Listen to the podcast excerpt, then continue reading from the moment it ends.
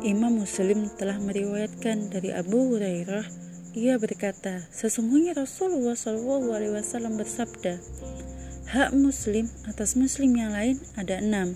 Dikatakan, apa yang enam itu ya Rasulullah? Rasulullah Shallallahu Alaihi Wasallam bersabda, apabila engkau bertemu dengan saudara Muslim yang lain, maka ucapkanlah salam kepadanya. Apabila ia mengundangmu, maka penuhilah undangannya. Apabila ia meminta nasihat kepadamu, maka berikanlah nasihat kepadanya. Apabila ia bersin dan mengucapkan Alhamdulillah, maka ucapkanlah Yarhamukallah. Apabila ia sakit, maka tengoklah, dan apabila ia meninggal dunia, maka hantarkanlah sampai ke kuburnya.